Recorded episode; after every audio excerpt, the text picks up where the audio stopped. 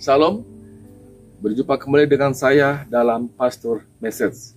Hari ini saya akan bawakan satu tema yang berjudul Impian Masa Depan Terwujud Lewat Kuasa Perkataan.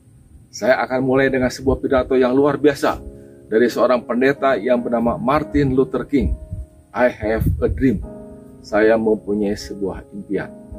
Saya mempunyai sebuah impian bahwa empat anak saya yang masih kecil suatu hari kelak akan tinggal di suatu bangsa tempat mereka tidak akan dinilai dari warna kulit mereka tetapi oleh kadar karakter mereka. Saya mempunyai sebuah impian hari ini bahwa suatu hari kelak negara bagian Alabama yang bibir gubernurnya penuh dengan perkataan mengenai intervensi dan penghapusan akan berubah menjadi suatu situasi saat anak laki-laki dan perempuan kulit hitam dapat bergandengan tangan dengan anak laki-laki dan perempuan kulit putih sebagai saudara dan saudari. Saya mempunyai sebuah impian hari ini. Paragraf tadi merupakan pidato pada abad ke-20 oleh seorang pendeta, Martin Luther King, di hadapan lebih dari 210 ribu orang di Lincoln Memorial pada minggu pagi Ucapan Martin Luther King dalam pidatonya itu membius ratusan ribu pasang mata yang menjadi saksi terjadinya perubahan penting dalam sejarah Amerika karena satu orang. Martin Luther King mengenal kuasa perkataan. Dan saat ini, mimpi Martin Luther King telah menjadi kenyataan. Bukankah Tuhan pun menjadikan bumi ini dengan firman?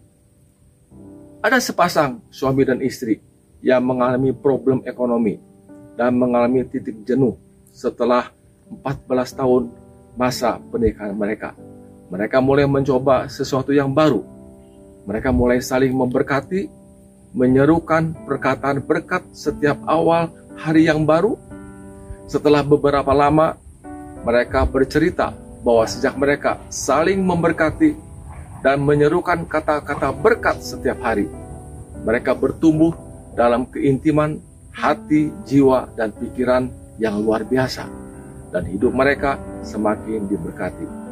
Amsal 15 ayat 4 dalam terjemahan firman Allah yang hidup berkata, kata-kata yang lembut memberikan kehidupan dan kesehatan, lidah yang pedas mengecilkan hati.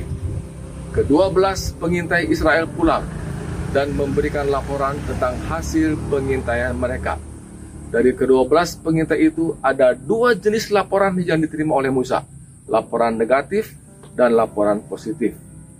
Laporan negatif datang dari sepuluh pengintai yang berkata, negeri itu didiami oleh orang-orang enak berperawakan raksasa, dan mereka membandingkan diri mereka seperti belalang di hadapan orang-orang enak. Sedangkan laporan positif datang dari pihak Kaleb dan Yosua yang mencoba menenteramkan hati bangsa itu dengan perkataan yang mengandung kuasa bahwa mereka pasti dapat menaklukkannya. Dan perkataan Kaleb terbukti benar. Mereka berhasil menaklukkan Hebron di mana tinggal banyak orang enak. Perkataan saudara dan saya penuh kuasa. Ada tiga hikmat dari perkataan yang penuh dengan kuasa. Yang pertama, mengerti bahwa perkataan orang percaya mengandung kuasa. Amsal 18 ayat 21, hidup dan mati dikuasai lidah. Siapa yang menggemakannya akan memakan buahnya. Ketika bangsa Israel ditindas dan dikuasai oleh bangsa Midian, Tuhan membangkitkan seorang yang bernama Gideon. Kondisi Gideon bertolak belakang pada saat dia dipanggil. Gideon bukan seorang pahlawan, melainkan hanya orang biasa.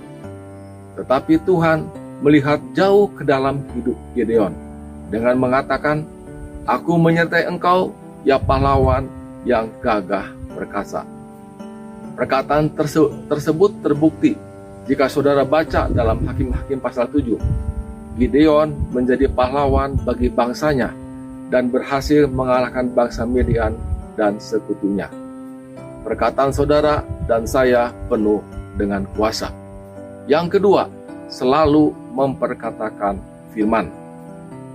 Dengan selalu mengucapkan firman, kita tidak saja sedang mengucapkan ayat-ayat Alkitab, tetapi juga membersihkan atmosfer hidup kita. Perkataan firman akan mematahkan fakta negatif yang sedang terjadi atas hidup kita. Bila saudara sedang sakit, selalu perkataan ayat-ayat firman tentang kesembuhan. Bila saudara ingin keluar dari kemiskinan, selalu katakan ayat-ayat firman tentang berkat. Yoel 3 ayat 10. Baiklah orang yang tidak berdaya berkata, Aku ini pahlawan.